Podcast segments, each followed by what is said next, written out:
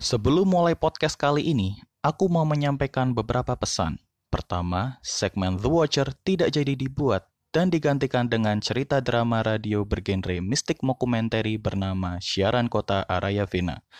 Siaran Kota Arayavina menceritakan sebuah kota mandiri di Indonesia bernama Kota Arayavina yang sering terjadi hal-hal supranatural di luar logika manusia.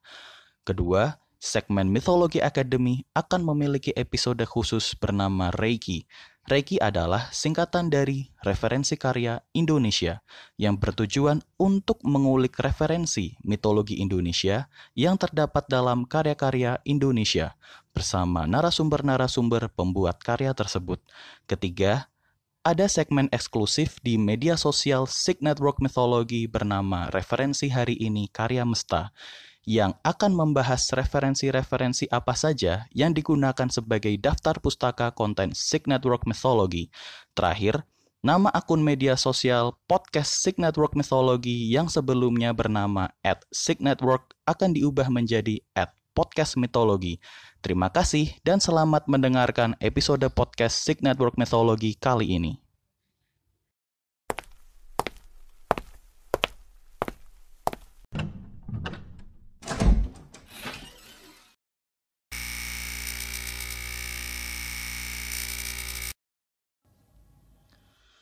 Halo Myth Prider, salam Starship. Namaku Sig Aikis. Selamat datang di semesta Sig Network Mythology.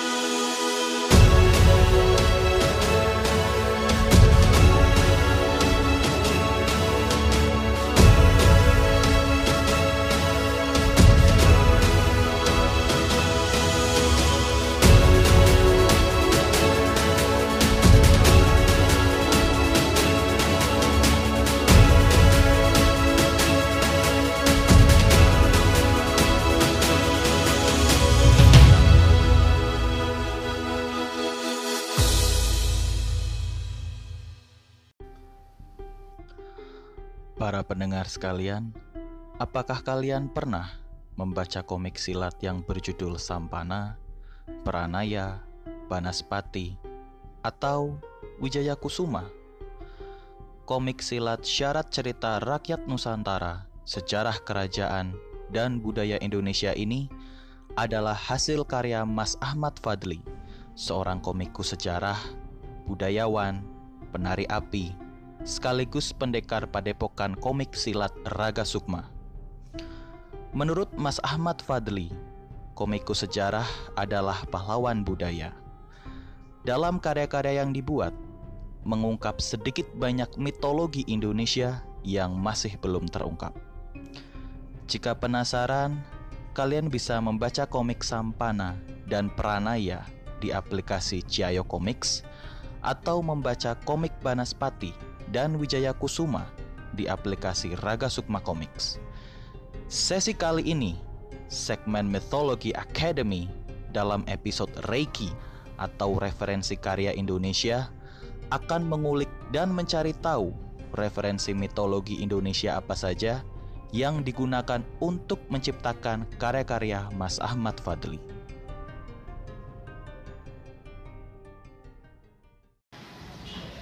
Halo semuanya, salam Starship. Nama aku Sik Aegis. Uh, kembali lagi di segmen Mythology Academy. Kali ini ada sesi baru namanya Reiki yang singkatan dari referensi karya Indonesia. Jadi di segmen terbaru ini pengen ngulik-ngulik aja sih karya-karya Indonesia yang mempunyai atau memiliki unsur budaya atau mitologi di dalam atau mungkin cerita rakyat yang diceritakan ulang uh, di dalam karya-karyanya sebagai sarana untuk mengumpulkan data-data referensi uh, mitologi, budaya, bahkan cerita dari Indonesia supaya bisa terangkum dalam satu uh, dalam satu wadah podcast ini.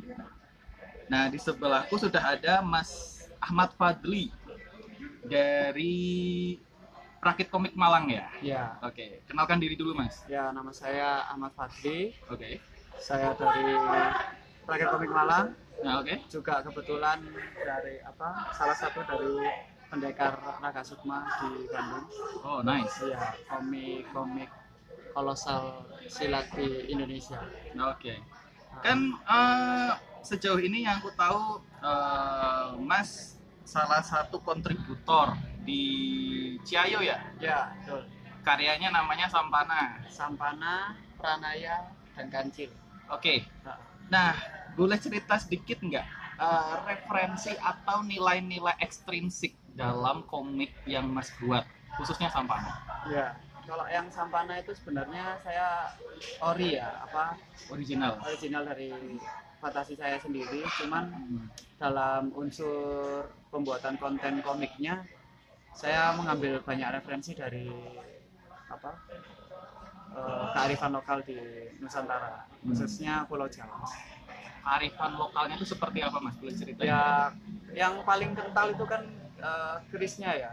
Keris. Okay. Uh, di situ saya mau bikin kalau keris itu betapa hebatnya, cuman satu belati yang unik hanya hanya ada di Indonesia, yang hanya ada di Nusantara. Hmm itu bisa jadi sesuatu yang keren gitu loh biar tidak kalah sama katananya Jepang jadi Indonesia punya Nusantara punya keris hmm. yang bisa dipopulerkan di media yang sama juga komik hmm. keunikan dari cerita Mas sendiri hmm. berbi uh, dengan pusaka dewanya Sweta Kartika itu di sisi mananya kalau boleh uh, kalau punya Mas Sweta Kartika itu lebih ke betapa sakralnya sebuah keris betapa sakralnya. Nah, kalau menurut saya memandang ya, nah, itu betapa sakralnya sebuah keris. Kalau di, di punya saya adalah betapa kerennya sebuah keris. Jadi sisi kerennya. Sisi kerennya seperti ada mitos kalau keris itu diisi. Oke. Okay. Nah, dan itu menjadi sesuatu yang uh, agak mengerikan atau tabu di masyarakat. Hmm. Nah, ini saya ingin sesuatu yang tabu ini menjadi hal yang keren Oke. Jadi dengan keris tersebut saya kasih ya yang lagi ngetren-ngetren kan kayak soal-soal elemen ada api, cahaya, iya, okay. ada apa kegelapan dan lain-lain. Hmm. Jadi keris di tempat saya itu diisi lalu diberi kekuatan oleh uh, yang mengisinya hmm. dan itu dibuat apa ya lebih dar-dar, belar-belar gitu loh.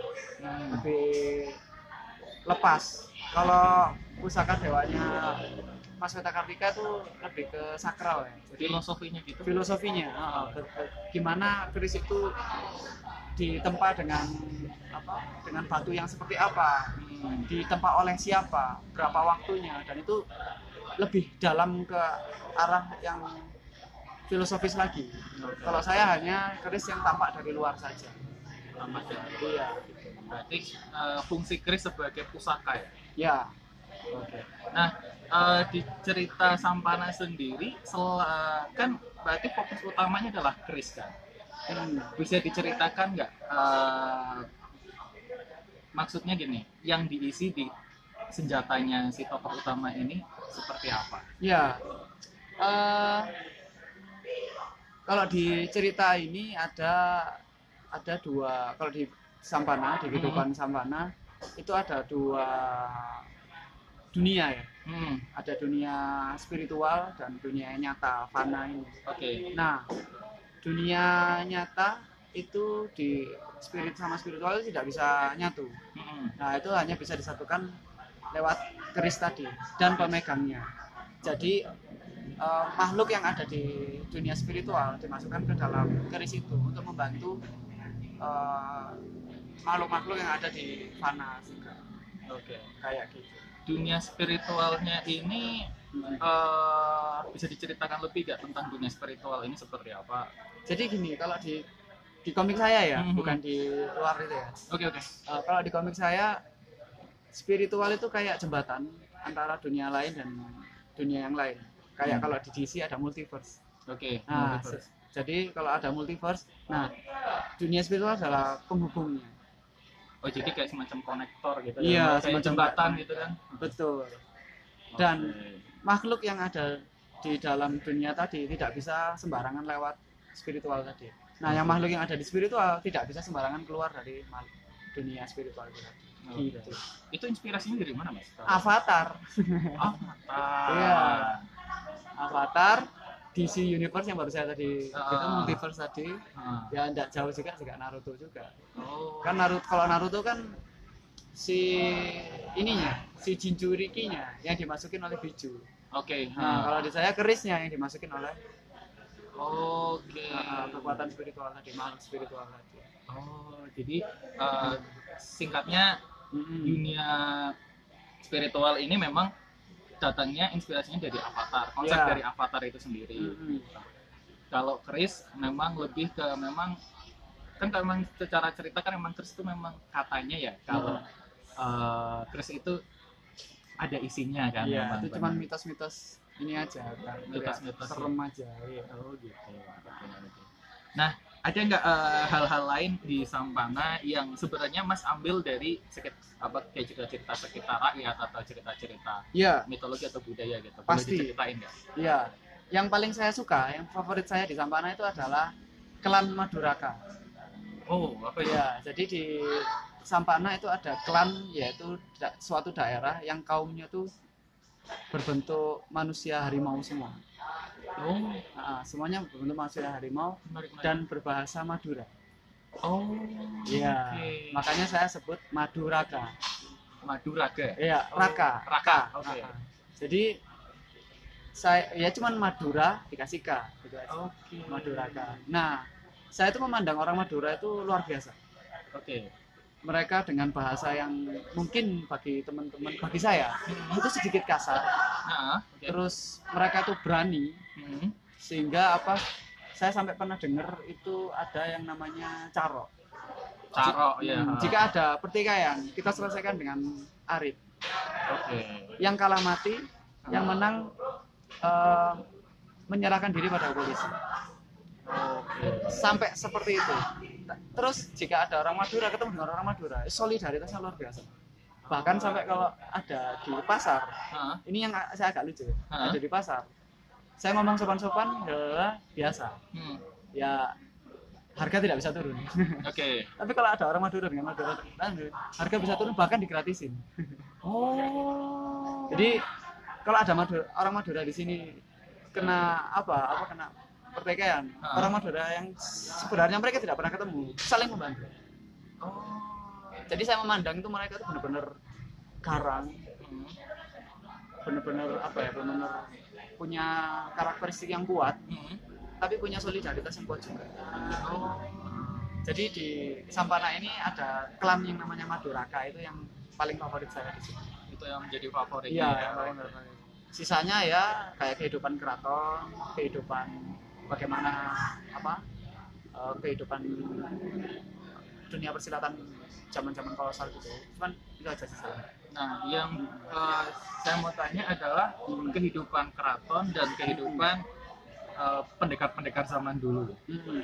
Itu kalau Mas sendiri memandangnya seperti apa? Ya, kalau saya sendiri dulu, Hmm. kalau saya memandangnya eh, kehidupan keraton, jadi kayak semuanya itu eh, perintah raja Hmm. atau raja itu sampai diagungkan karena dia memiliki apa ya kayak ya kalau orang itu bisa bisa dianggap bisa diajeni gitu Hmm, hmm. kayak apa ya dihormati. dihormati benar-benar dihormati apa yang dia omongkan itu memiliki makna yang luar biasa Hmm. Nah di di, di tempat Sampana ini dipimpin oleh sat, apa kerajaan yang namanya Raden Pasopati itu. Hmm. Nah itu ya layaknya raja dia memimpin terus kan dalam dunia persilatan kan pasti ada adu fisik ya. atau adu pertempuran. Hmm. Nah di situ saya kasih kayak semacam gladiator. Oh, gladiator. Uh, gladiator yang di di apa, Roma ya. Ya, Ah. di gladiator yang diselenggarakan di ibu kota kerajaan ini. Oke. Nah, di kota raja. Namanya, no, nama settingnya Kota Raja. Nah, nama nama apa ibu kota rajanya itu kota raja. Kota Raja. Ah. Oke. Nama kerajaannya itu Karya Dwipa. Karya Dwipa. Ah, ah. Oke. Terus kalau pertandingannya namanya Sabung Jagat. Sabung Jagat. Sabung Jagat. Oke. Nah, kata-kata misalnya Sabung Jagat, Iya. terus Karya Dwipa. Karya terus, Dwipa. terus apalagi satu lagi tadi? Kota Raja. Kota Raja. Nah, itu ada nggak inspirasi kok saya pakai nama ini gitu? Ya, yang jelas banyaknya dari novel kolosal. Oh, novel kolosal. Novel kolosal. Contohnya? Kota Raja ya. Mm-mm. Jelas kota yang dihuni oleh raja. Selesai. Oh, itu aja. Itu aja. Dan apa? Kalau saya ndak salah ingat ya, Hmm. ibu kota Majapahit juga disebut kota raja. Oh, Walaupun di Majapahit. walaupun itu di Majapahit tapi Ah. namanya Kota Raja. namanya kota raja. Nggak, nggak tahu ya. Kalau di Mataram namanya kota gede. Mataram malah kota gede. Mataram itu kota gede. Oh. Jadi kayak ada kota-kotanya. Ya, saya cuman ambil kalau ini kota yang dihuni oleh raja. Jadi namanya kota raja. Oke. Gitu. Terus apa lagi tadi? Karya Dwipa. Oke. Mm-mm. Hmm. Kalau itu saya terinspirasi dari Jawa Dwipa. Oh iya. yang ada- artinya apa? Semangat orang Jawa. Oh, Dwipa iya. itu kan api.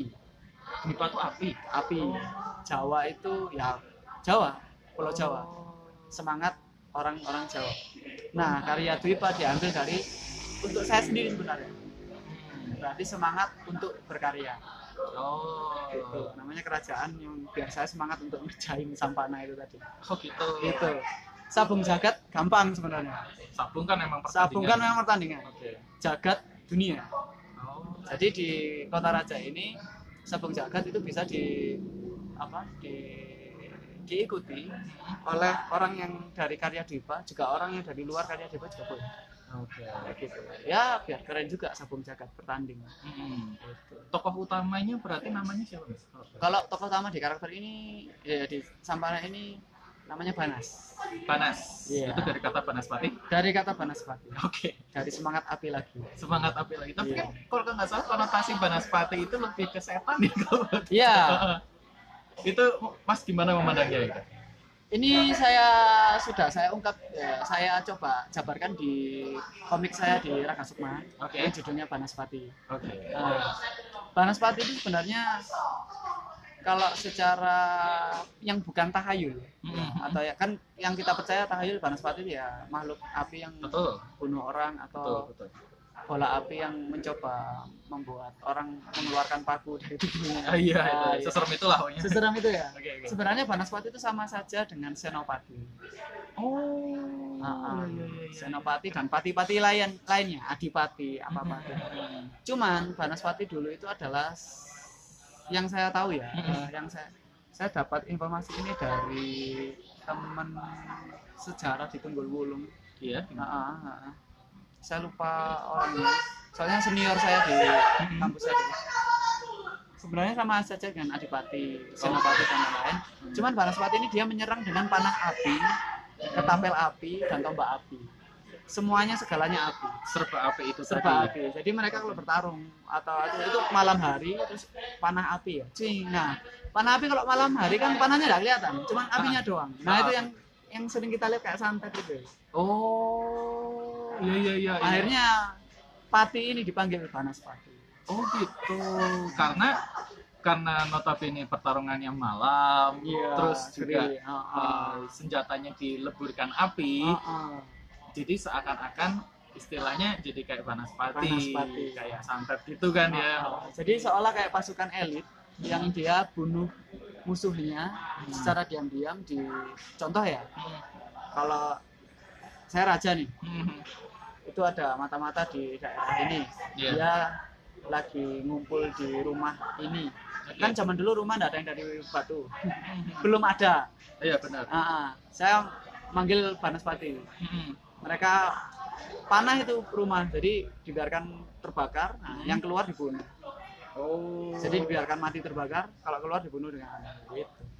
Oh. Iya. Saking kejamnya Banaspati hingga jadiin setan Banaspati. Jadi kayak semacam ya pasukan khusus Iya. kerajaan gitu ya. Yang pakai api. Oh. Nah, tapi saya tapi eh, sumber saya gagal me- gagal menjelaskan kepada saya Hmm. mereka Banaspati memang kalau memang ada dia dari mana terus dari kerajaan mana dan siapa yang memimpin itu belum tahu itu masih misteri berarti. ya mas, masih belum saya tanyakan dia juga belum paham mungkin karena hanya sebutan saja atau gimana Oh. karena kalau kalau kita kembali menoleh ke sejarah kalau pasukan elit Majapahit ada yang kalau pasukan polisi seperti Bay- Bayangkara Iya Bayangkara. dan Adipati Senopati itu sudah jelas apa tuntutan mereka kayak gitu Oh. Nah, kenapa bisa disebut Banaspati dan siapa pencetusnya, siapa yang memanggil dan yang paling gampang kerajaan mana yang menggunakan itu itu belum tahu. Oh. Kayak gitu. Tapi ada nggak sejarah yang paling dekat dengan Banaspati itu? Misalkan kayak sejarah yang dekat dengan Majapahit atau ini belum ada ya? Belum ada. Jadi belum bukan belum ada, saya belum tahu. Oh oke oke. Iya, Ah. jadi saya tidak mampu menjelaskan saat ini karena saya memang belum tahu. Tapi ini informatif sekali ya, maksudnya Ah, ah. kita kan taunya Banaspati itu kalau nggak saja udah setan aja gitu. Iya. Padahal kan eh, berbeda dengan, maksudnya fungsinya ternyata berbeda dengan Mm-mm. kayak kuntilanak atau apa kan? Iya. Kayak emang emang mereka diciptakan untuk Iya. eh, menakut-nakuti gitu. Betul. Ah. Betul. Ya, Iya. Banaspati kan ini diciptakan memang untuk menyerang gitu loh, untuk, Iya. untuk bertarung gitu. Bisa saja itu digunakan untuk menakut-nakuti lawan juga. Oh, iya sih benar Oh, juga ya. ada pasukan Banaspati, Banaspati, kamu mau mati kebakar nggak? Nah, kayak gitu. Oh iya sih benar ya. Nah, ah. kayak mudah sebenarnya. Apa Ah. folklore di Indonesia sebenarnya kan banyak tujuannya. Hmm. Seperti yang tadi menakut-nakuti, ada yang wewe gombel. Ah. Jangan keluar habis maghrib, nanti diculik wewe gombel. Iya. Nah, Padahal niatnya baik supaya nggak pulang supaya malam. nggak biar nggak pulang malam, gitu aja. Heeh. Nah, eh, ngomong-ngomong masalah em, eh, ngomong-ngomong masalah Banaspati nih, ada Hmm. karya mas judulnya Banaspati juga kan. Banaspati juga. Nah, bisa diceritakan nggak apa itu karakternya atau dia konsepnya seperti apa? Iya. Eh, kalau Banaspati di Raga Sukma itu tidak menceritakan sesosok setan Banaspati. ya. Iya. Iya. Cuma namanya aja Banaspati. Cuma namanya saja Banaspati. Oke. Ya sebenarnya itu cuma klan yang tadi pasukan elit yang menggunakan api. Heeh. Heeh. yang dia terbelah menjadi dua. Oh, Hmm, terbelah menjadi dua. Terus diadu domba oleh kerajaan. Karena eh, pasukan Banaspati ini, klan Banaspati sangat ditakuti. Hmm. Jadi kerajaan itu me- mengkhianati mereka dengan mengadu domba dua kubu tadi. Oh gitu. Nah, imbas dari kedua kubu tadi adalah akhirnya tinggal apa saudara kandung Hmm, hmm. itu saling bunuh, saling menghancurkan satu sama lain sehingga tersisa si seorang paman, Iya. satu abdinya dan seorang keponakan. Oke. Nah, keponakan inilah karakter utamanya. Namanya Namanya Mantra Bala. mantra Bala. Mantra Bala. Jadi Mantra Bala ini dia saat kecil melihat seluruh keluarganya dibakar habis oleh pamannya sendiri. Hmm. Terus dia besar di di apa? Dia besar dibesarkan oleh teman ayahnya. Hmm. Nah, untuk balas dendam kepada pamannya. Oh gitu. Gitu. Konflik keluarga berarti. ya? Konflik keluarga. Nah, untuk jelasnya baca sendiri. Oke siap. Nah, tapi memang eh, cerita-cerita rakyat atau cerita terutama cerita-cerita kerajaan ya, itu kan Hmm. memang banyak banget konflik-konflik internal keluarga. Betul. Nah, yang pandangan Mas tentang cerita-cerita kerajaan ini, hal yang membuat Mas akhirnya suka atau menjadikan referensi itu ada nggak cerita dari kerajaan mana atau Ya banyak sih Hmm. dari kerajaan Singosari ya. oh berarti Ya. masih lebih suka cerita-cerita kerajaan Singosari Iya, dari apa Ken Arok yang bukan siapa-siapa itu Hmm. bisa menjadi seorang raja Singosari, Hmm. terus keturunannya menjadi raja-raja besar di Pulau Jawa. Hmm. Jadi keturunan-keturunan Singosari itu kan keturunan-keturunan Ken Arok itu yang jadi raja-raja di Jawa semua, seperti Majapahit, seperti Hmm. Mataram juga lah, Oh. kayak gitu. Jadi cikal bakal dari itu, itu juga. Jadi Singosari ini cikal bakal dari Majapahit. Iya. Kan sebenarnya Kediri terus Tumapel memberontak Hmm.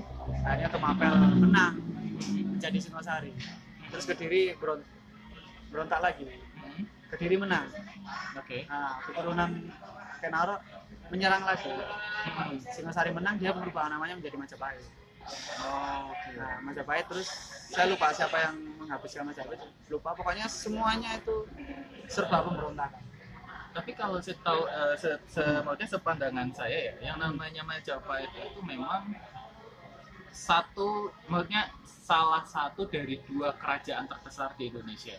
ya Nah, pandangan Mas menurut Majap- eh, Majapahit, ap- Mas sendiri pernah nggak ke situsnya dan punya cerita yang belum pernah diungkap ke media tentang cerita seperti dari Majapahit? ya banyak Oh, salah satunya deh boleh cerita?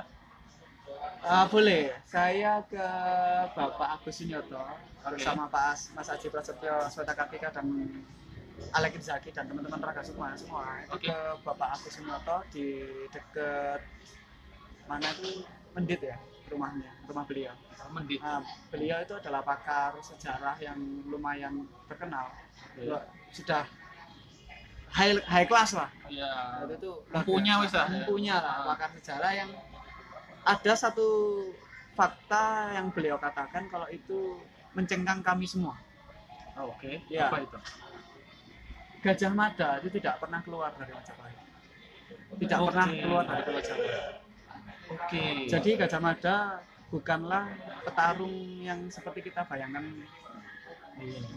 tidak seheroik itulah ya. seheroik itu Oh. Gajah Mada dia hanya pengatur perang Oh, strategi. ya Master plan gitu lah ya. master plan karena dia tuh memang otaknya luar biasa cerdas Jenius gitu. jenius dan berbadan yang besar intinya dia adalah sosok yang paling sempurna Oh, besar oke. gede pemikir berantem juga oke Oh. mikir juga oke Oh, oke. Gajah Mada itu luar biasa cuman yang kita lihat selama ini adalah sosok fisiknya saja Ah, betul. sebenarnya Gajah Mada itu otaknya itu luar biasa Hmm, Gajah Mada betul Oke, oke, oke. Gajah Mada yang yang dia juga tidak tahu keturunan Eh, ini ada sebuah anu ya apa kayak kemungkinan Iya. bahwa keturunan Gajah Mada itu pun juga bukan keturunan manusia eh bukan keturunan orang Nusantara sebenarnya ada Oh. campur tangan entah Mongol atau apa lupa saya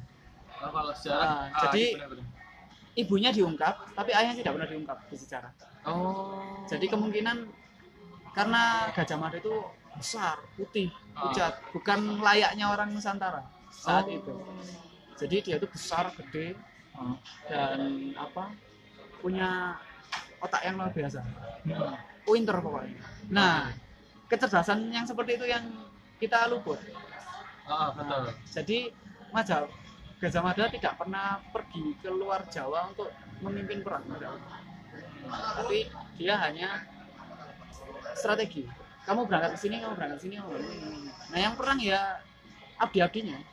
Tujuh temenggung setopaki temenggungnya iya set temenggung. pakai pamungkas itu kan. ah betul. Yang ikut budal perang temenggung terus hand cannon Dan kanan. Oke. Iya. Maja, Gajah Mada adalah orang pertama di dunia yang menggunakan hand cannon Oh iya. Iya. Kalau kita nonton main Assassin's Creed ya, Oke, yang oke. kedua, Ah, di mana Ezio Auditore mengeluarkan meriam di tangannya itu. iya, yang Jet. sepuluh tangan gitu kan. Ah, ah, yang yang di- ternyata di anu oleh Leonardo da Vinci. Nah. Nah, Gajah Mada itu menggunakannya sebelum itu. Oh. Blueprintnya ada, Blueprintnya ada. ada blueprintnya. Jadi seperti kayak tongkat sihir segini. Heeh. Ya diisi misiu sama meriam kecil. Oh. Ceritanya, nah Nusantara dulu, Majapahit dulu itu bukan orang yang tertutup. Mereka terbuka dengan pedagang dari luar. Oh, Oke. Nah, dia mereka tahu mesiu, dia Hmm. mereka tahu. Bahkan Majapahit adalah eh, kerajaan pertama yang menggunakan sistem ibu kota.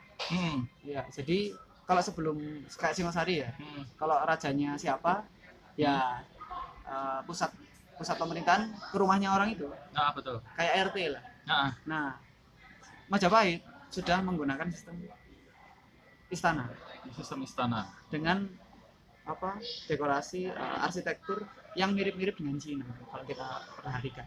Oh, seperti apa itu? Loh, joglo itu miniatur Cina yang versi miskinnya. Oh, oke oke. Menarik nih, menarik. Iya, oke. kalau kita perhatikan eh, istana Cina oke. yang terkenal itu, dia punya pilar-pilar yang sama, Hmm, jumlah yang sama. hmm. Yang paling kelihatan deh gentengnya, Gentengnya oke. mirip-mirip kayak punya kita. Oh. Karena Majapahit dulu itu benar-benar terbuka. Mereka itu benar-benar terbuka dengan ilmu dan informasi. Terima kasih pada Gajah Mada. Oh iya sih benar. Iya, Akhirnya kita bisa tahu Gajah Mada Ah, bukan dari sisi bukan uapnya aja tukang gitu. pukul Iya, Gajah Mada. oke. ini. Menarik, Dia menarik. tukang mikir. Mikir. Akhirnya suatu suatu ketika ada perahu perahu entah itu perahu apa kapal perang entah itu kapal pedagang entah itu kapal bajak laut dia Iya. melihat meriam itu tadi Hmm. karena meriam ini terlalu berat bagi pasukan Gajah Mada yang notabene banyak di berperang di tanah. Hmm, hmm. Gajah Mada mulai mikir "Ka- gimana kalau ini dikecilkan size nya mesionya lebih kecil peluru meriamnya lebih kecil. Jadilah hand cannon ada blueprintnya saya dikasih lihat sama Pak Agus ini. Oh, berarti memang ini otentik lah ya? ya Otentik, oke. hand cannon. Gajah Mada orang yang orang Nusantara yang mencetus Hand cannon. hand gitu. cannon Iya, iya. Oh, Oke, menarik sekali. Gitu. Selain itu ada lagi. selain itu nah ini yang kontroversial Oke, saya kurang tahu karena ini debatnya luar biasa oke. saya mohon maaf ya kalau memang apa eh literasi, literasi saya kurang ya Oke, oke. Nah, boleh, boleh, nggak apa-apa. sumpah palapa itu tidak ada Oke. Iya. Hmm. jadi kalau memang sumpah palapa itu ada mestinya babat saat itu ditulis Babat saat itu. Ah, ah, harusnya ditulis di tahun itu Hmm. tapi sumpah palapa itu ditulis di tahun zaman-zaman yang belum yang Majapahit sudah tidak ada Oh, oh, Ah, ah. oke, oke. Jadi menurut Pak Agus Sunyoto, beliau mengatakan bahwa Gajah Mada naik pangkat jadi Mahapati. Tugas pertamanya dia adalah mengembalikan seluruh tantangan Majapahit yang memberontak. Hmm. Selesai. Dia tidak bersumpah palapa, tidak apa. Memang tugasnya begitu. Cuma memang tugasnya se- Seperti itu. seperti itu. Nah, kecurigaan, ya, tapi hal itu menurut saya positif. Hmm. karena dengan adanya sorry kalau seandainya itu kebohongan Hmm. kebohongan dengan sumpah palapa itu ada jadi sehingga Gajah Mada menjadi so- sosok yang sungguh heroik sosok yang benar-benar dipanuti oleh rakyat Nusantara sekarang Hmm. jadi saya tidak bukannya pro kontra ya Iya betul betul. palapa itu baik Hmm. adanya sumpah palapa itu baik sehingga eh, eh, apa kegiatan kegiatan apa, ya? Apa yang dilakukan Gajah Mada ini menjadi heroik Oke. karena menyatukan kembali Nusantara yang Ah. telah pecah setelah siapa ya Raden Wijaya atau siapa lupa saya. Jadi kan raja pertama tuh. Oke oke. Nah raja pertama itu sudah mencetus Nusantara. Ya gajah apa? Konsep Nusantara. Konsep konsep Nusantara yang Bhinneka Tunggal Ika itu adalah raja Oh, itu Majapahit pertama. Majapahit pertama. Ah, ah, Oke. Bhinneka Tunggal itu raja Majapahit pertama. Oke. Lalu raja Majapahit itu kedua itu kan terlalu kecil. Dia tuh terlalu Jayabaya muda. bukan ya? Saya, saya lupa namanya ya. Eh Jaya Negara apa Jayabaya? Jaya Negara atau saya Ah, lupa. oke, Jaya oke. Negara kan yang pertama Raden Wijaya. Raden Wijaya. Terus Jaya Negara, nah Jaya kan terlalu kecil lah. Ah, Nah, karena dia terlalu masih anak-anak, banyak pemberontakan, banyak apa, pemberontakan Rakuti, pemberontakan siapa, pemberontakan siapa. Ah. Hanya banyak Majapahit yang terpecah. Oke. Terus sampai siapa ya yang naik Gayatri atau siapa lupa saya. Hmm. Yang rat- ratu pertama Majap Majapahit. Tribuna Tunggal Dewi bukan sih? Mungkin ya. Ah, oke. Saya, saya lupa nama-namanya. Kalau Bener- Mbak Gayatri, eh, memang itu saya agak lupa juga. Ah ya, Tribana Tunggadewi itu intinya raja ratu yang mengangkat Gajah Mada Ah. dan Gajah Mada diberi tugas untuk mengembalikan tatanan Majapahit seperti semula. Oh berarti pada saat Gajah Mada eh, Hmm. bertugas itu rajanya perempuan atau dipimpin oleh ratu bukan? Sepertinya gitu. Oh, oke. Karena eh, yang dikomikan oleh Sweta Kartika Alex Zaki Mhm. saat dia saat Gajah Mada mencetuskan Sumpah Palapa dia bersimpuh di hadapannya Ratu Tribulana Tunggadewi. Oh, iya iya. Karena selama Gitu. ini yang saya tahu Gajah Mada adalah mengabdi pada sosok raja laki-laki kan berarti. Hmm. Oh, ternyata perempuan. Tapi saat dia dari bekel berubah menjadi apa jabatan yang lebih tinggi, memang saatnya pas saat dia menolong itu Jaya Negara tadi. Oh. Apa Ra- Raja Majapahit kedua yang masih anak-anak tadi. Hmm. Itu ada di Mada Sastra ya kalau mau baca-baca itu. Menarik sih itu, keren. Nah, eh, oke ini jadi sedikit banyak nambah pengetahuan baru nih terkait Iya. dengan Cuma kemarin ada kontroversi seperti ini. Entah ini benar apa enggak ya. Ya, Sebenarnya kalau sumpah palapa itu enggak ada, itu mungkin bisa diterima. Maksudnya untuk untuk diriku sendiri sebenarnya bisa menerima sih Hmm. itu. Cuma ada satu kontroversi Gajah Mada ini sosoknya artifisial atau ternyata sebenarnya ada yang bilang ini enggak ada. Kalau menurut Masnya gimana? menurut saya ada. Menurut eh, Masnya ada ya berarti? Iya, Dibuktikan dengan adanya adanya babat tadi. oh ada bapak tadi. Ah. Belajar sejarah itu kan punya ini, ada dokumentasi sejarah. Hmm. Dokumentasi sejarah itu bisa dari babat, Hmm. bisa dari prasasti. Oh, oke. Ah, ah. Jadi ada dokumentasi tertulis atau dokumentasi visual. Hmm. Nah, kalau dokumentasi percakapan ini agak susah untuk dipercayai. Nah betul. Ah, ah. Hmm. Saya percaya ya, karena ada memang babatnya. Ada memang bapaknya. Ah, ah. Ada prasastinya. Oh gitu. Ah, Oke, ah. oke. Dan, tertulis benar-benar namanya guys. Emang Lah gimana? Oh, emang di literal, maksudnya secara literal itunya emang dibilangnya ini namanya iya, Gajah Mada. Panglima Gajah Mada. Gajah Mada. Ya, orang paling Bukan nama lain gitu ya, Hmm. bukan alias Gajah Mada gitu, nama aslinya siapa gitu. ya intinya gini saya cukup mempercayai ya sebenarnya enggak, enggak baik juga ya Hmm. Eh, Agus Sunyoto kan sudah kawakan sudah terkenal sudah jelas ininya literasi dan lain-lainnya ya saya perlu apa, apa yang harus saya bantah lagi gitu. Oh iya sih betul ya. Ah. beliau sudah jelas mengatakan ada bapaknya ada prasanya dan orang seperti mereka sepertinya kalau mau berbohong itu bahkan bunuh, bisa jadi bunuh diri gitu. Oh iya sih betul Ah, ya. literasinya ada, hanya ada. Mau mau gimana? Ah, betul sih benar benar benar. Berarti emang kontroversi itu ya hanya sebatas kontroversi saja ya. Iya. Oke. Nah, selain karya Banaspati, terus juga Sampana, uh, saya ingin tahu karya favorit Mas deh yang pernah Mas bikin selain dua itu apa? Yang paling saya favoritkan itu Nagawasa sama Wijaya Kusuma. Nagawasa Wijaya Kusuma. Coba boleh cerita sedikit nggak? Kalau yang Nagawasa saya cuman mengalih mediakan tarian Reok Ponorogo menjadi action. Oke. Nah, Uh, Masnya kan juga kalau nggak salah penari api ya? ya, Oke. Fireden, Malang Fireden. Ya. Oke. Hashtag at Malang Fireden Instagram, oke. Oke, siap. Oke. Oke, boleh Ya. boleh cerita Ya. cerita sedikit tentang tarian-tarian itu. Nah, yang oh, Nagawasa atau yang Kusuma? Nagawasa. Oh iya, yang Nagawasa itu kan tarian Reok Ponorogo. Hmm. ceritanya itu hanya kalau yang saya tahu ceritanya itu menjemput Dewi aduh siapa namanya aduh lupa saya aduh Oke, iya, oke, ini oke. saya Namanya lupa. seorang dewi lah pokoknya ya. Hmm, ya seorang Dewi siapa yang ingin di- dinikahkan oleh Prono Sewandono yaitu Raja Ponorogo saat itu Raja Ponorogo satu. Hmm, itu ah, saya cuman melihat tariannya saja tidak melihat sisi ininya sisi sejarahnya bagaimana Hmm. sisi itunya bagaimana saya cuman cukup melihat tariannya saja Oke. Nah, di tarian itu yang keluar duluan adalah pasukan kuda, saya bilang. Oke. Nah, setelah itu pasukan Warok, Warok. setelah oke. itu pasukan Bujanggana, Hmm. begitu keluar Reok Ponorogo. Jadi Reok Ponorogo itu yang keberapa yang itu? ininya bukan Reok Ponorogo, apa keluar Singo Barongnya, Oh Singo Barongnya. Oke. yang oke. atau Dadak Merak, Dadak Merak. Dadak oke. Merak itu. Hmm.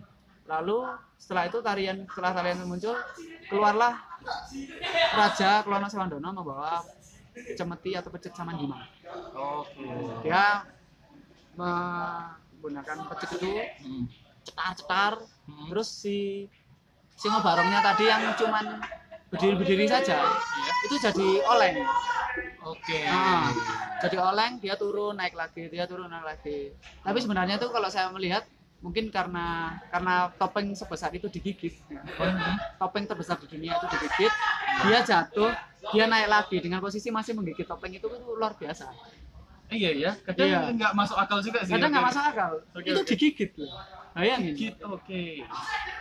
yang hampir setinggi 3 meter itu Itu Emang paling besar sedunia. paling besar sedunia topeng terbesar itu digigit dia jatuh tidur naik lagi bayangin itu rahangnya terbuat dari apa Ah, iya, Nah, sebenarnya. setelah adegan itu selesai keluarlah yang Dewi tadi saya lupa Dewi siapa sih itu terus mereka hidup bahagia bersama Oh. selesai dalam komik saya ceritanya Ponorogo itu arah-arahan menjemput Dewi tadi Hmm, untuk menikah dinikan dengan Klono Sawandono Oke. namun dalam perjalanan Jatilan itu diserang oleh si Dadak Merak tadi merasa. nah arah-arahan tadi saya saya uh, bagi kayak munculnya di panggung tarian Oke. Jadi Jatilan dulu Hmm, melawan apa Dadak Merak kalah. Oke. terus Waro melawan Dadak Merak kalah. Janganong melawan Dadak Merak kalah. Lalu akhirnya sang raja datang. Dia berantem dengan tadi itu. Hmm, selesai. Hmm. nah di ending kan semuanya nari bareng tuh. Oke. nah saya jadikan kalau ternyata Dadak Merak ini ternyata temennya si Putri tadi. Oh. jadi dia tuh salah paham dikira Dewi tadi mau dieksekusi mati Ah. padahal mau dinikahkan Oke. selesai Oke. jadi dengan kekuatan Dewi tadi dia menghidupkan semua yang telah mati dibunuh oleh Dadak Oke. iya saya cuma mengalami dia kan Berarti memang sejarahnya ada, kayak diceritakan ulang gitu. kurang tahu saya Oke. saya hanya melihat satu tarian saja Asal satu-satu tari. iya karena Reok Ponorogo itu banyak versinya Oh banyak versi. banyak sekali Aku baru tahu itu kalau ada versi. Banyak. Oke. Salah satu yang terkenal deh apa? yang salah satu yang terkenal itu yang versi kediri itu bahwa si Dadak Merak dan Klono Sawandono itu rebutan Dewi Sekar- Dewi Dewi siapa lupa saya Oh itu direbutkan iya direbutkan yang ternyata yang menang Klono Sawandono Oh. Iya, iya. Ah, ah. Berarti Dadak Merah ini semacam kayak villain atau gitu ya? semacam kayak gile Oke. tapi kalau di tarian yang saya lihat langsung di Ponorogo Ah. enggak kayak gitu yang saya tanya langsung dengan itu juga tidak jadi saya cuma mengambil satu versi saja. Satu versi ah, ah, di sini kalau kita mau ini sedikit saran ya. Iya, oke. kalau kita ingin mengangkat suatu kebudayaan Hmm, cari satu versi saja. Jangan digabung.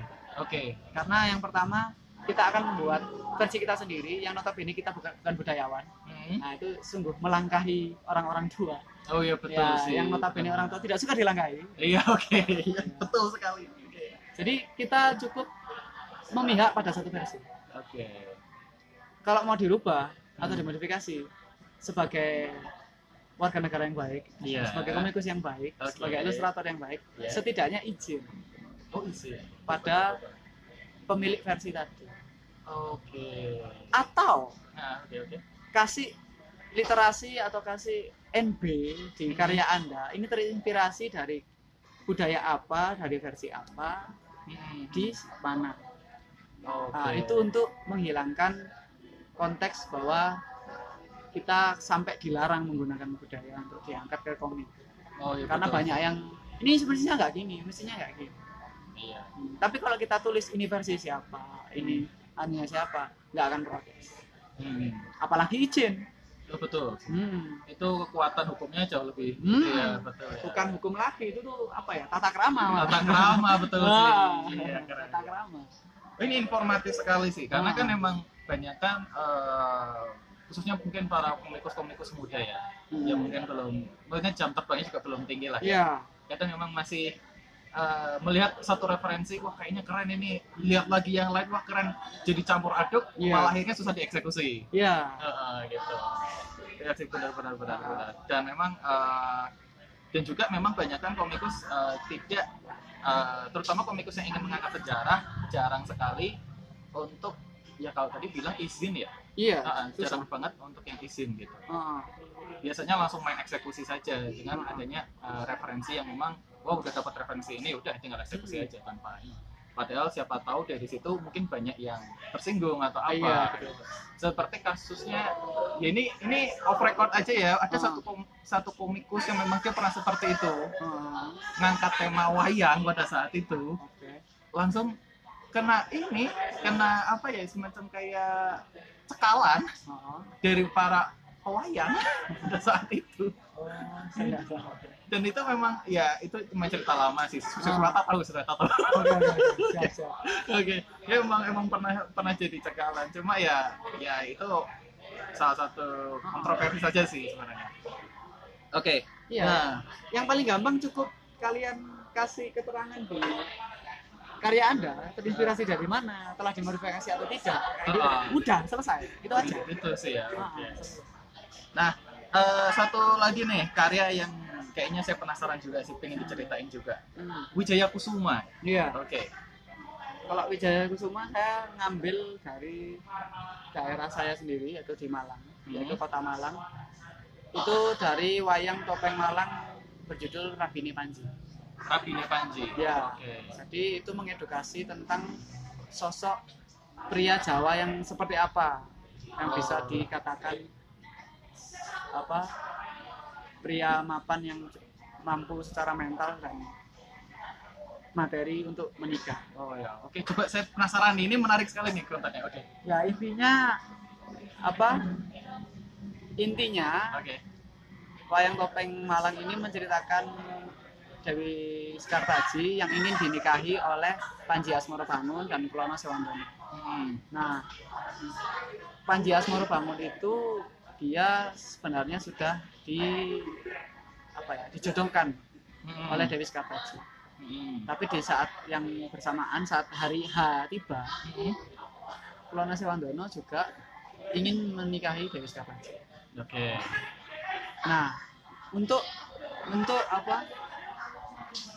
Un, jadi bimbang sebenarnya Oke. kerajaan Kediri itu ini sudah dijanjikan, sudah Hmm. dijodohkan, tapi kan tidak baik juga untuk menolak kebaikan dari kerajaan lain, Oke. sehingga dibuatkan sayembara. Hmm. Yang sayembara itu tadi adalah simbol-simbol apa pria seharusnya untuk Oh. siap menikah. Oh gitu. Ah, Yang terakhir adalah nanti baca sendiri ya. Oke oke siap siap. Yang penting ya, intinya adalah eh sayembara semua itu mereka berdua punya. Hmm. Yang terakhir yang mereka tidak punya adalah kembang Wijaya Kusuma. Apa itu kembang Nah, Wijaya Kusuma? kembang Wijaya Kusuma itu adalah kembang yang hanya bisa dan diizinkan diambil dari di kayangan. Oh, oke. Yang itu adalah simbol kasih sayang. Simbol Jadi kasih seorang laki-laki walaupun punya materi tadi, Ah, kalau pengen menikah ya harus punya kasih sayang. oh, sesederhana itu. Sesederhana itu. Oke. Dan itu hanya Panji saja yang bisa mengambil. Oke. Nah, cerita saya menceritakan bagaimana si Panji mempertahankan kembang tadi dihadang oleh Kulono Sewandono. Oh. Gitu. Dengan apa? Dengan eh, konsep visual yang tidak jauh apa yang memodifikasi topeng Malangnya, Hmm. tariannya, kostumnya, Oke. dan saya wawancara langsung dengan Padepokan Asmoro Bangun yaitu Pak Trihandoyo. Pak Trihandoyo. dan Pak Trihandoyo itu juga ikut andil memodifikasi karakter tadi menjadi karakter komik. Oh. Bahkan senimannya langsung ikut-ikutan gitu. Oh, iya, Iya kan sih. enak kan kalau kita udah izin. Menarik sih, menarik, menarik. Oke. Nah, eh, berarti memang eh, Mas Fadli ini adalah ya kok bisa saya simpulkan lah ya. Berarti ketika riset untuk komik itu benar-benar mendalam berarti ya. Banget. Oke. Harus. Itu memang suatu keharusan Harus ya. harus keharusan agar tidak ini. Ini bukan maksud saya alay ya. Iya betul betul. Komikus sejarah. Dia Hmm. adalah pahlawan budaya. Komikus sejarah, komikus sejarah adalah pahlawan budaya. Pahlawan budaya. Oke, ini jadi judul. Oke. Iya. Komikus budaya atau komikus sejarah, komikus budaya itu adalah pah- pahlawan budaya. Hmm. Karena mau sampai kapan Borobudur diomongin secara lisan? Mau sampai kapan apa sejarah kita diomongin di depan kelas? Betul. Mau sampai kapan apa eh, bela- eh, belajar suatu kebudayaan kita harus ke jauh-jauh ke Pakis, kita harus jauh-jauh ke Kedungmonggo, kita harus jauh-jauh ke desa untuk mengetahui, sekedar mengetahui Iya. adanya cerita itu. Mhm. Iya. Padahal kadang mengetahuinya cuma paling beberapa jam Ah, saja, ah. Terus tapi ke sananya effortnya habis berapa juta atau berapa Ah. gitu. Oke. gimana kalau orang Jakarta Ah. ingin tahu tentang topeng Malang harus ke sana. Iya sih betul. Kalau ada media seperti komik, apalagi digital saat ini. Oh, oke. Seluruh orang di Nusantara bisa tahu tentang topeng malam. Oh iya benar sih, itu menarik sekali. Selesai, cukup itu aja. Menurut saya adalah pahlawan budaya. Oke oke oke. Nah eh, sebelum kita sudahi, eh, saya mau tanya nih, Siap. satu karya yang bisa dibilang temanya sejarah, terus silat dan ada kerajaannya yang menjadi favorit Mas sampai saat ini itu apa? Belum ada. Belum ada. Belum ada. Oke. Iya. Atau mungkin memang ada cerita-cerita kerajaan atau apa yang menjadi favorit Mas atau apa? apa ya kalau cerita kerajaan tetap si ini si bagaimana Tenarok bisa menjadi yang sem- semula dia bukan apa-apa menjadi raja Singasari Oh, oke. Yang cerita tadi itu ya. cerita berarti? tadi tadi Oh, karena kalau saya mau bikin kayak gitu itu sama saja saya mencontek kayak Eh, iya sih benar. Ah, ah, ah. dan kalau memang mau gitu saya kan harus izin si pembuat buat novelnya dulu Oh iya. iya Emang novelnya apa kalau boleh tahu? Kalau boleh eh, novel yang saya baca itu karya Gamal Komandoko yaitu Tahta dan Darah kalau nggak salah Tahta dan Darah. Ah, ah. Kenarok Kendedes Tahta dan Darah Oke. itu adalah referensi dasar ya. ya itu adalah novel kolosal pertama saya yang baca saya baca dari situ saya berani bukan berani saya terinspirasi untuk bikin komik-komik yang sejarah karena notabene mohon maaf ya ini ini urus selera ya Oh, iya, boleh boleh. Karena notabene wayang itu bukan dari sini Oke. Oke. bukan bukan wayangnya maksudnya pada walimanya Iya betul. gatot kacanya dan lain itu kan Adaptasi ya. adaptasi dari India kalau wayangnya dari sini Ah. Ah, si Sunan Kalijaga yang bawain Hmm. cuman saya tidak tertarik untuk ke sana karena itu memang sudah apa bagi saya itu udah ada campur tangan agama dari sana kan dari, Iya, betul. dari pendatang. Kalau literally sejarah kan memang benar-benar ada di sini Ah, betul. Ah, ah. jadi saya lebih baik bukan lebih baik saya lebih memilih untuk mengangkat yang seperti seperti yang tadi Nah, kayak ketimbang wayang kalau saya Oke.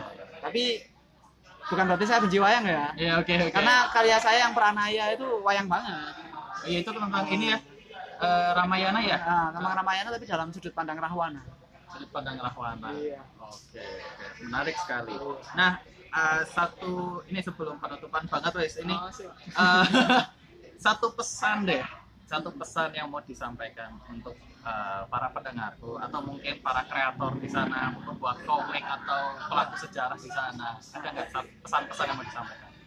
ya kalau menurutku jangan takut berkarya untuk apa jangan takut berkarya yang terinspirasi dari budaya karena kalian itu sedang menjadi sedang belajar menjadi pahlawan budaya pahlawan budaya. hanya saja kalau memang anu ya tahulah izin Oke. atau terinspirasi dari mana Oke, Iya, kita kembali ke menjadi pendekar yang budiman ya. pendekar yang benar. pendekar yang budiman. Jadilah komikus yang memiliki etika yang luar biasa. Oke. Karena kita mencoba belajar sejarah bahwa bahwasanya sejarah itu memiliki etika yang sangat tinggi. Sejarah memiliki etika yang sangat tinggi. Harusnya dibawa sampai sekarang. Oke. Oke, menarik Pelajaran sekali. Oke, menarik sekali Mas. Oke, ya terima kasih. Paling eh, segini sesi untuk eh, Mythology Academy, segmen Mythology Academy di episode Reiki kali ini. Terima kasih buat Mas Fadli. Eh, ke- sampai jumpa di podcast podcastku selanjutnya. Bye bye. Para pendengar sekalian, seperti itulah ulasan episode kali ini. Apabila kalian memiliki saran dan masukan terkait dengan bahasan episode selanjutnya, sampaikan dalam email sig.aikis at gmail.com dengan subjek ide untuk podcast mitologi atau kirim pesan ke media sosial podcast Sig Network Mythology seperti Facebook, www.facebook.com slash podcastmetologi dalam kurung karya mesta Twitter www.twitter.com slash podcastmetologi dan Instagram www.instagram.com slash podcastmetologi Apabila email dan pesan yang masuk banyak, maka akan dibuatkan episodenya. Sebelum episode kali ini berakhir, kita simak iklan berikut ini.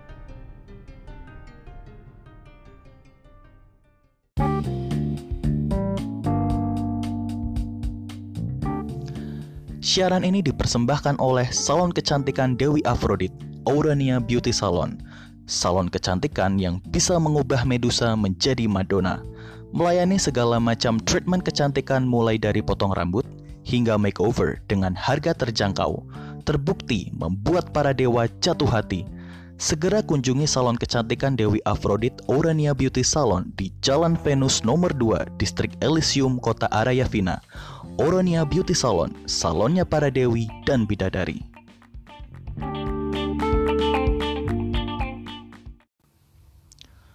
Jangan lupa untuk selalu mendengarkan podcast Sig Network Mythology setiap hari Sabtu di aplikasi Anchor.fm, www.anchor.fm slash podcast mythology, atau di aplikasi Spotify tinggal cari dengan kata kunci Sig Network Mythology Follow juga akun media sosial Sig Network Mythology seperti Facebook www.facebook.com slash podcastmetologi dalam kurung karya mesta, Twitter www.twitter.com slash podcastmetologi dan Instagram www.instagram.com slash podcastmetologi.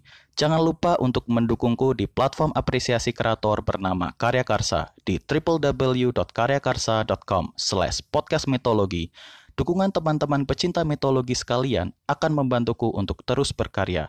Apabila kalian memiliki ide ataupun saran untuk episode podcast Sig Network Mythology, email saja ke sig.aikis@gmail.com dengan subjek ide untuk podcast mitologi. Ide terbaik akan dijadikan bahasan di episode selanjutnya. Terima kasih kepada para kontributor yang sudah memberikan masukan untuk episode kali ini. Terima kasih juga kepada kalian semua yang sudah mendengarkan podcast Sig Network Mythology. Sampai jumpa di semesta Sig Network Mythology selanjutnya. Aku, Sig Aegis pamit undur diri. Salam Starseed.